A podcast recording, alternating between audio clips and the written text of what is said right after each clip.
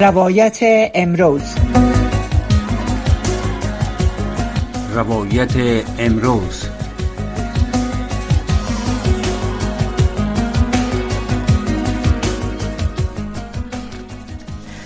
شنونده های محترم سلام وقت شما بخیر. روی زمانی هستم با تقدیم برنامه روایت امروز از امواج رادیو آشنا صدای امریکا شنونده های محترم رینا امیری نماینده وزارت خارجه ایالات متحده در امور زنان و حقوق بشر برای افغانستان در واکنش به وضع محدودیت های اخیر طالبان بر زنان گفته است که این محدودیت ها هیچ ربط به دین دین نداره و به فرهنگ ارتباط نمی‌گیره و در ای در حالی است که تامس وست سفرش به پاکستان همچنان گفته است که زنان و دختران افغان زیر فشار شدید روانی قرار دارند. چرا با این همه واکنش های تند جامعه جهانی و مقامات بین المللی اقدامات سختگیرانه طالبان روز بر روز علیه زنان اضافه میشه افزایش میابه خب در این برنامه روی این موضوع صحبت می‌کنیم با مهمان عزیزی که داریم اصلا علی عدالت از کانادا. روی خط برنامه با خود داریم.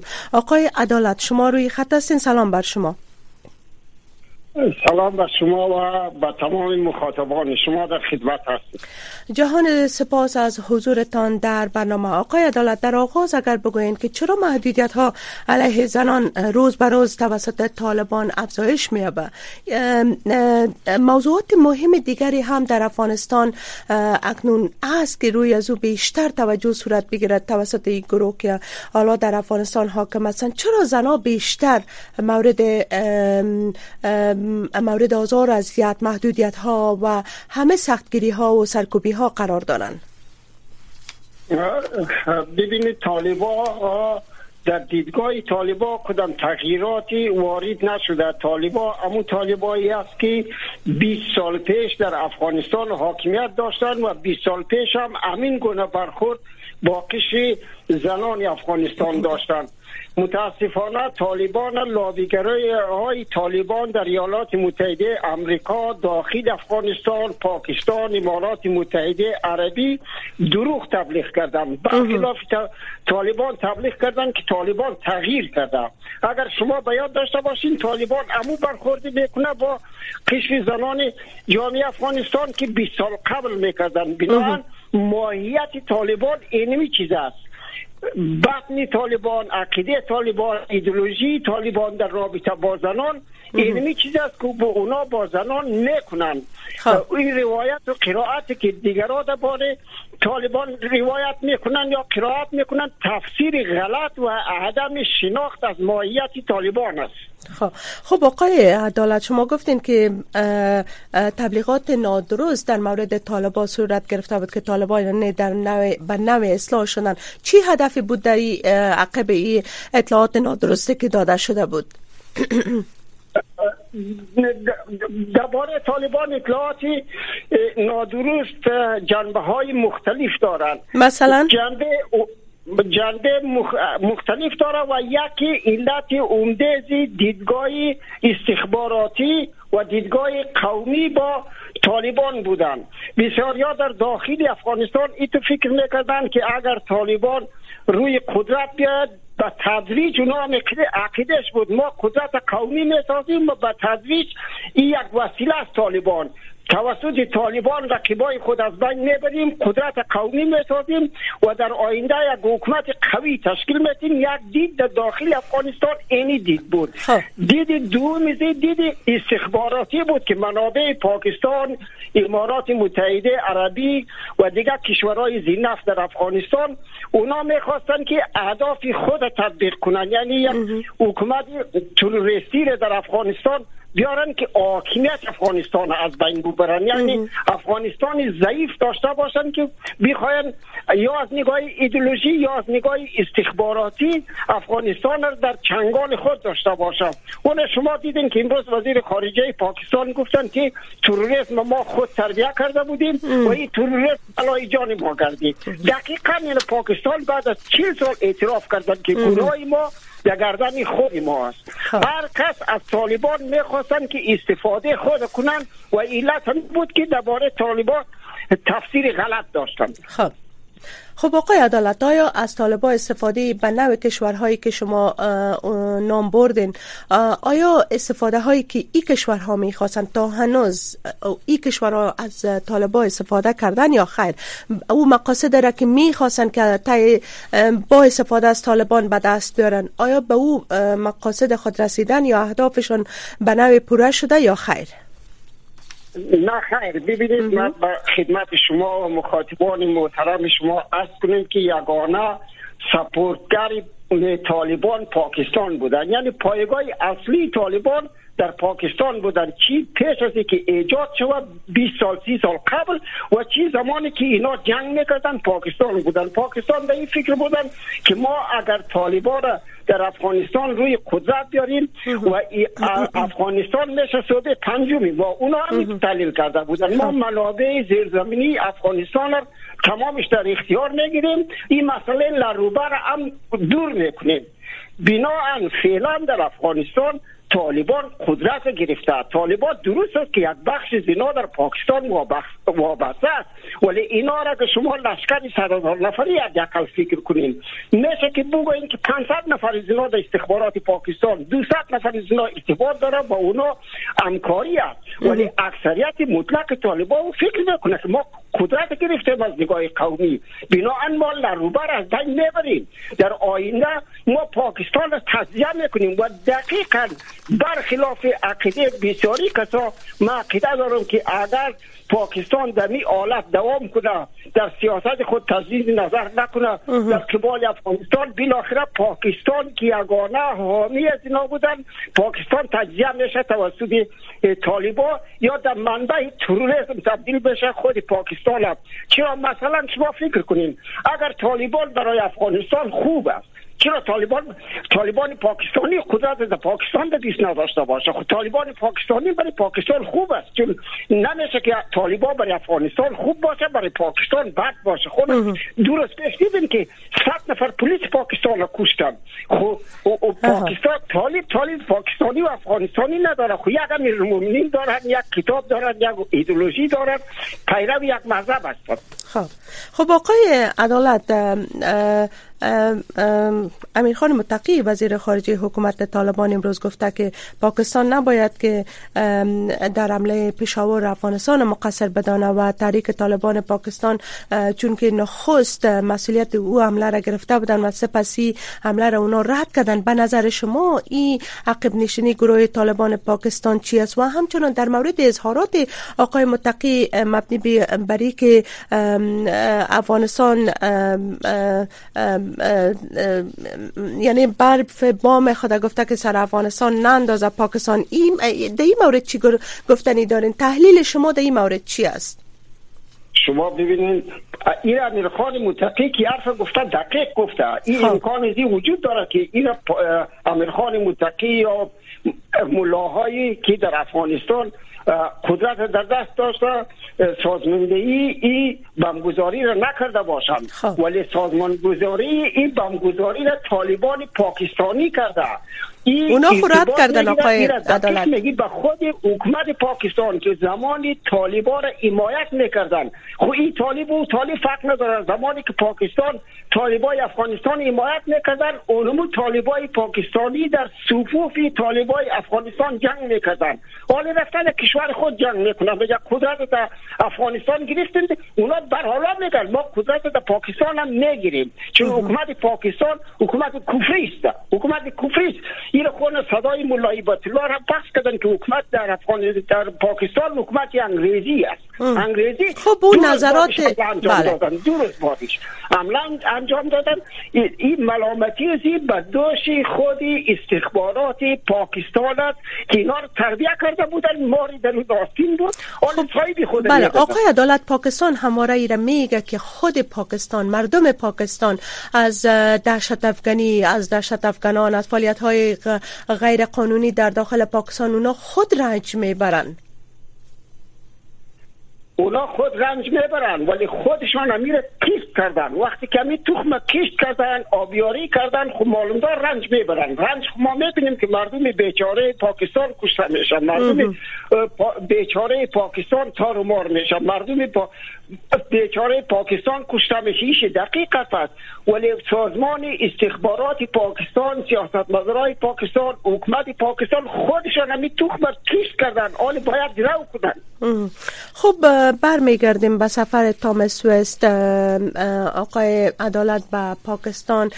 این سفر در حال صورت می‌گیره که یک حمله انتحاری مرگبار در پشاور اتفاق افتاد. سفر آقای تامس وست که چگونه ارزیابی می‌کنن و همچنان آقای وست در سخنان خود در بعد از دیداری که با خانم های افغان زنان افغان داشتن بیان داشته که زنان افغان از بیماری های شدید روانی رنج می‌بره اول خدمت شما از کنم که متاسفانه سفرهای تامیست و همچنان سخنانی رینا امیری نماینده ایالات متحده امریکا در امور افغانستان هیچ گونه تاثیری نداره. اینا فقط در ادامه سفر و چکر آقای خلیلزاد است. امو گونه که سفر و چکر آقای خلیلزاد و امضای تعهدنامه دو هم مردم افغانستان برباد داد و بله. بعد از او که تامبیس آمد مردم افغانستان زنان افغانستان به خصوص وقتی که رینا امیری سر کار آمد امیدوار شده بودند که اینا در راستای منافع مردم افغانستان و در راستای منافع قش زنان افغانستان کارایی را انجام میدن خب. اینا نه کارایی انجام نداد که بدتر از پای خلیلزاد هیچ کار مسیر انجام ندادن. اینا میگه که زنای افغانستان از مرض روانی رنج می‌برن. زنای افغانستان مرگ می‌خواید مرگ. زنای افغانستان فقط فقط نفس میکش اما نفس هم نمیمونن. میگه دهان خودم بپوشید اونا مرگ می‌خواین ولی مرگ نمیاید در راه زنا اونا خواهد شده فعلا وجود نداره. افغانستان از دوزخ کده بدتر شده برای زنای افغانستان. ولی لابیگرای طرفدارای طالبان اونا رو تبلیغ می‌کنن که باید با اینا سازش کنیم تعامل کنیم. تامیت میگه باید تعامل کنیم. ریراملی میگه باید تعامل کنیم. بالای چی تعامل می‌کنن اینا؟ بالای چی؟ وقتی که یک زن عقل بدن خود نداره. وقتی که یک زن عقل انتخاب نداره. وقتی که یک زن عقل نداره که سبق بخواند مکتب بخواند. اینا بالای چی تعامل می‌کنند مثلا برای زن چی مانده که او او در مرض روانی گرفتار شد؟ او مرد می‌خواهد که مرد هزار بار بهتر است. بنا اینا لاپوشانی می‌کنه هم تامریز هم رینا امیری فقط هدف اینا بله. تعامل با امیر آقای عدالت من هم می‌خواستم بله من هم من هم از شما می‌خواستم میره بپرسم. پس هدف سفر یا اظهاراتی که بیان میشه چی شده می‌تونه؟ چرا پس عمل نمیشه؟ آقای وست سفر کرده به پاکستان گفتگوها روی موضوع افغانستان حتی با زنان افغان اونا گفتگو کردن و بعد از او بازی اظهارات بیان داشتن. خوب امینه محمد معاون منشی عمومی سازمان ملل متحد اونا هم به افغانستان سفر داشتن و اونا هم گفتن به خاطر آوردن ای که زنان در دفاتر ببخشن در سازمان های غیر دولتی داخلی و بین المللی اونا دوباره بیاین تلاش ها جاری از پس شما این وضعیت چه قسمی میگین؟ چی, چی خواد شو آخر؟ شما ببینید درد کس به کس دیوار است یک ضرب المثل است. خب. درد زنان افغانستان فقط کسی که زن باشه او در افغانستان باشه. تحت تحت شلاق و شکنجه طالبان باشه شکم گریسنه باشه اولادایش هم گریسنه باشه اونا درد می‌کنه بله. مثلا آمینه محمد که درد زنای افغانستان میدانه اونا در سفر و چکر اونجا رفتن با اونا ملاقات کردن ملاقات زنان بسیار توینامه بود. در قندار رفتن. والی قندار یک معاون سلمونچی ملل متحد ملاقات نکرد. یک نفر گفت برو. مدیر دفتر یا یک کس گفت برو. با اونا ببینین. اونا میگن که طالبان ما قرن 13 در قرن 20 میاریم در حالی که طالبان در قرن 13 وجود ندارد. طالبان پیش از قرن کلمه قرن که بیاید تفکر طالبان پیش از اوست. در قرن 13 زنا در همه جای مطابق قرن حضور داشت. داشتن هیچ کس زنان را من نمی‌کرد در امو زمان همون کارهایی که در قرن سیزن مردم می‌کرد زنان می‌کردن بینان خود اینا معلومات ندارد میگه ما طالبا را از قرن سیزده در قرن 21 میاریم در حالی که طالبا طالبا این کسایی که ملاقات می‌کنن اینا را از قرن 21 در قرن ما قبل تاریخ برده ولی همه که اینا مثلا تنخواه طالبا را همین ایالات متحده امریکا افتوار 40 میلیون دلار برای اینا میته هر روز میره با اونا در دوحه در قطر در سر سر دنیا ملاقات می‌کنن چی ملاقاتی چی؟ مثلا چی وضعیت آمده؟ این ملاقات کنش بیفایده است. یک تعداد مردم در بدنه در بدنه وزارت خارجه امریکا بسیار معاش بلند دلاری می‌گیره. تیاره زیر پایش. آقای عدالت پس هدف این ملاقات ها به نظرتون چی است؟ قسمی که شما گفتین در تعامل هستن. حالت مردم اگر در افغانستان نظر به گزارش ها نظر به ویدیوهایی که در رسانه های اجتماعی نشر میشه روز به روز بدتر میشه. فقر بیکاری داد می‌زنه. دخترها از رفتن در تازه ترین اقدام طالبا دختران نمی‌تونن که داخل شامل کانکور شوند. این همه محدودیت ها به خاطر چی گرفته میشه؟ هدف اصلی به نظرتان چی است؟ هدف اصلی طالبایی است که امو طالب بودن خود نگاه کنه فعلا. مثلا اگر و روی کرد جامعه جهانی را هم بگوین. بله. کار بیتن اق تحصیل بیتن اق بله. انتخاب کردن شوهر خود داشته باشه زن او زمان طالب باقی نمیمانه طالب باقی نمیمانه این کلانه های کسایی که در سطح رهبری طالبان یا یک اندازه وشیار هم هست اینا فعلا صاحب قصر شدن صاحب بسیار زندگی مجلل شدن رشوت در اوج خود جریان داره اون شما خبر دارین که یک پاسپورت در زمان جمهوریت 200 دلار تا 500 دلار رشوت چی بود؟ نیم هزار دلار رشوت شده خب آقای عدالت طالبان همواره شده نمی‌تونه. قاچاق مواد مخدر 3 فیصد رشد کرده. اینا پول جمع آوری می‌کنن زنای دو زنه و سه زنه عالی روایت شده بین رهبرهای اینا اینا با مافیای بین المللی ارتباط دارند. از این خاطر اینا خودشون مسئول فیزی کار است اینا فشار بالای زن آورده دیگه دیگه کار نمی‌تونه. دیگه چیزی نمانده افغانستان. که صفوف اینا دیگه گروه های تروریستی بگوی اینمی طالب مو طالب است. همین طالب مو طالب است. اینا که سختگیری بالای مردم و بالای زنا نکنه با صفوف زیرا صفوف زنا خب مخشویی شده آدمای انتحاری و انفجاری کنه. ندیدید گفت کسایی که در بیشت میره جگر ماهی می‌خونه. اونا رو تو تبلیغ می‌کنی دنیا بگه چی در شما می‌خوره. در اون دنیا بارین که جگر ماهی بخورین زنان باکره وجود داره شراب پلوم شده شراب پلوم شده این دنیا رو چی می‌کنه؟ اون آدمی باور می‌کنن خبر نداره که رهبرای اینا همه میلیاردر شدن همه میلیاردر شده و چور و چپاول در افغانستان جریان داره. بازی شما ببینید که سازمان ملل متحد بسیاری ارگانا بانک جهانی لاپوشانی می‌کنن. یکشان اعلان می‌کنن که اقتصاد افغانستان 14 درجه خوب بهتر شده. دیگهش میگن که شفافیت در افغانستان وجود داره. در افغانستان وقتی که حکومت وجود نداره هیچ حکومت وجود نداره این شفافیت از کجا آمده؟ خب آقای عدالت اینجا سوال ما پیشترم اینجا تاکید ما سر ای است که عملکرد جامعه جهانی را در قبال اوضاع افغانستان در قبال وضعیت افغانستان خصوصا زنان دختران تحصیل اونا کار اونا چگونه بررسی می‌کنن؟ چرا این اقدام اونا؟ یعنی عملکرد جامعه جهانی را در قبال اوضاع افغانستان چگونه بررسی؟ هدف چی است که اونا بار بار مثلا محکوم می‌کنن لیکن عمل دیده نشده تاله متاسفانه زنان افغانستان چی از نگاه طالبان چی از نگاه جامعه بین المللی مورد استفاده قرار گرفتن. استفاده تبلیغاتی کس اهداف خود دارن یک زنای افغانستان از حقوق محروم کردن. آلی آمده هر بالای حق زنای افغانستان مذاکره می‌کنه. او را حقش نمیته امیرخان متقی میگه شما ما را به رسمیت بشناسید.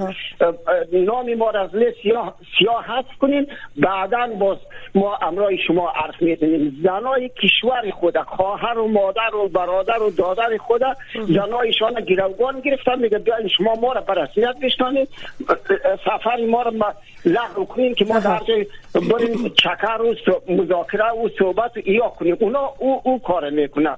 دیگر کشورهای جهان هم در رقابت با دیگر قرار دارن. اونا هم مسئله زنای افغانستان اصلا چشم پوشی بکنه. اینا برای هیچ ارزش نداره. این باور کنین. برای هیچ کشور از ملل متحد گرفته تا ایالات متحده امریکا تا اروپا تا تا مصر تا تا هیچ کسی دیگر ایران پاکستان زنان افغانستان به اندازه یک ارزن ارزش نداره. اگر ارزش می داشتن اونا می‌تونستن کارهایی را انجام می بیتن. اونا می‌تونستن افغانستان تحریم کنه طالبان منظور طالبان رهبر طالبان رو تحریم کنه. می‌تونستن که پولای اینا را در بانگای خارج خصوصا قطر و امارات متحده عربی و ایجایا و ترکیه و ایجایا فروز کنه. اینا را در سفر نگذارد ده ها را و روش وجود داشت. که اینا را می‌تونستن که تا که زنای افغانستان در حق و حقوق خود نرسیده ما با شما اصلا هیچ مذاکره نمی‌کنیم. آقای عدالت بله یک سوال اینا این کار نمی‌کنه. اینا اینا هر کدام اینا از تعامل با طالبان می‌زده و طالبان از تطبیق شریعت حرف می‌زنن. بس خلاص. خب. یک موضوع دیگر که می‌خوایم اینجا ذکر کنم آقای عدالت. چقدر وضعیت کنونی افغانستان بر رشد دهشت افغانی در داخل افغانستان کمک کرده؟ افغانستان فعلا در سطح بین المللی به مرکز تروریسم تبدیل شده. در افغانستان گروه های تروریستی آزادانه فعالیت می‌کنند. اونمو حرفی که ایالات متحده امریکا سی آی ای و تمام سازمان های جاسوسی جهان می‌گفتند که در افغانستان 21 گروه تروریستی فعالیت می‌کنند. شما باید داشته باشین که نزدیک به دو سال می شود که طالبان سر قدرت آمده. بله. اینا یک نفر تروریست هم گروه تروریستی را از افغانستان بیرون نکردن. نه تنها بیرون نکرده که تمام از اونا آمدن در افغانستان جایگزین شده و تا جایی که خبرها میرسانه حتی زنا و فرزندا و خانواده های گروه تحریک طالبان پاکستانی را بردن داخل افغانستان جای به جای کردن که تا اونا زن و فرزندشان آسیب نبینن. بناهن فعلا افغانستان امپراتوری توریسمی جهانی در کره زمین است. و نگاه به قدرت دارن مثلا خب این گزارش ها آقای ما دیگر دنیا قدرت می‌گیریم.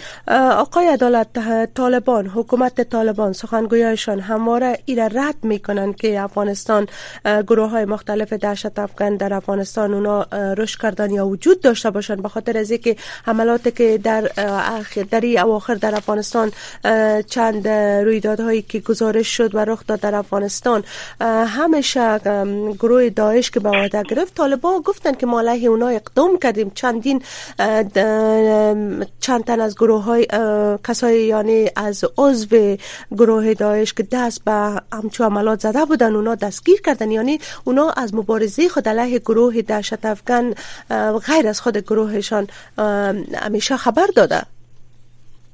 ببینید گروه های تروریستی بعضی اوقات بالای بعضی موضوعات با هم اختلاف دارند. مثلا اگر داعش با طالبان فعلا اختلاف داره القاعده نداره. گروه های تروریستی آسیای میانه ندارد گروه های تروریستی ازبکستان تاجیکستان چین تمامشان در افغانستان وجود داره. این درست است که با داعش اونا فعلا بالای قدرت اختلاف پیدا کردن ولی اونمو بدنه طالبان که از طالبان خفه میشن مثلا یک تعدادی اونا هوشیاره. می‌دانند که رهبری طالبان امنگیش دزدی رو شروع کرده. خب. حتی مردم گرفتار می‌گیره یعنی چند روز پیش اون خبر شدیم که آقای متقی در گرفتارگیری ها را امنش آزاد کرده سلای را پس داده.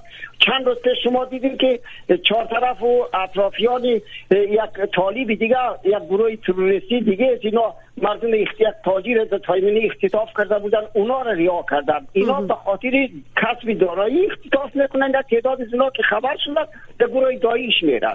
از این خبر شد خو یک بیرق بالا می‌کنن عقیده زنا یک چیز است. ولی افغانستان القاعده خب فعلا شریکی طالبان پاکستان شریک زنا است گروه های آسیای میانه شریک و زیر بیرق زنا کار می‌کنه. دیگه کندگاه انتحاری و انفجاری فعال است. همش هم خارجی ها عربا همش اونا تنظیم است. همه روز درس می‌خوانن فارغ میشن.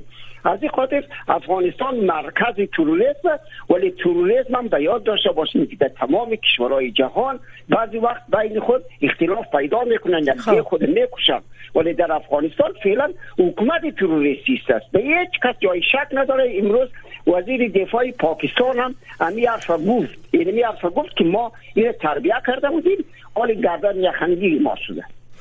آقای عدالت در لحظات اخیر برنامه هستیم. شما فکر می‌کنین با وجود مشکلاتی که امروز در افغانستان وجود داره از از گروه های دهشت افغانی که شما یادآور شدن از وضعیتی که دیده میشه گزارش میشه پس این همه اوضاع چقدر تا چی مدت به نظر شما در افغانستان و بیرون رفت از چی خواد باشد؟ چقدر می‌تونه که اختلافات خود داخلی طالبان باعث دلیل باشه برای ای که محدودیت ها بر زنا روز به روز بیشتر شده بره و اوضاع افغانستان در آینده چگونه بررسی می‌کنین؟ فعلا اوضاع افغانستان بسیار تاریک است. نه تنها زنان افغانستان در این مصیبت گرفتار شده بلکه برای مردای افغانستان هم در افغانستان جای نمانده. و دیگه فقر و گریسنگی مردم افغانستان از بین می‌بره. و متاسفانه فعلا جامعه جهانی بالای الترناتیف طالبان هم اتفاقی نظر ندارم. نظر به اختلافاتی که بین کشورهای چهار طرف افغانستان وجود دارد کشورهای منطقه وجود دارد رقابت هایی که بین روسیه و ایالات متحده امریکا بین ایالات متحده امریکا و چین وجود دارد. بنابراین اوضاع افغانستان بسیار سخت کرده و هر کدام از اینا می‌خواهند که بازی خود در افغانستان داشته باشه. بنابراین مردم افغانستان قربانی منافع کشورهای امسایه و کشورهای بزرگ در جهان است و تا ای که یک اتفاق یک اجماع جهانی وجود نداره که در افغانستان باید چی شوه این بدبختی دامنگیر مردم افغانستان از زنا و مردان و کودکان و تمام مردم افغانستان شما فکر می‌کنید که اتفاق و اجماع بین المللی بتانه بیرون رفت از این مشکل در افغانستان باشه؟ اگر جامعه جهانی تصمیم بگیرن خصوصا کشورهای همسایه افغانستان و در رأس ایالات متحده امریکا و چین و روسیه قضیه افغانستان میشه که در یک ماه حل شوه. ولی فعلا بعید به نظر می‌رسه. چون شما خبر دارید که جنجان های پرتنیش بین المللی رو به افزایش است و افغانستان هم هر, هر کدامشان در افغانستان می می‌خواهند منافع خود داشته باشند و یکدیگر در زمین افغانستان به چالش بکشند آقای عدالت اگر شما توصیه داشته باشید و نظر اخیرتان بتن ما سی ثانیه دیگه وقت داریم. ما فقط این می‌خواهیم که مردم افغانستان تمام اقوام افغانستان زن و مرد افغانستان متحد شوند و از هر رایی که می‌توانند علیه پدیده تروریسم مبارزه کنند و تا که خود مردم افغانستان یک مرکزیت قوی به وجود ندارن این بازی در زمین افغانستان ادامه داره یگانه رای بیرون رفت اتفاقی مردم افغانستان اتفاق مساویانه مردم افغانستان هم از زن و مرد در مقابل گروه های تروریستی است. جهان سپاس از حضورتان آقای عدالت که شما آمدین و نظریاتتان با شنونده های محترم شریک ساختین. تشکر از اینکه داشتیم بله. خدا شما. خب شنونده های محترمی بود داشته های بخش برنامه که تقدیم شما شد. نظراتی که در برنامه ارائه شد منعکس کننده موقف صدای امریکا نیست. نظر مهمان برنامه برنامه بود که با شما شریک ساخته شد. امیدوار هستیم که شما شنونده باقی برنامه های رادیو آشنا صدای امریکا باشین.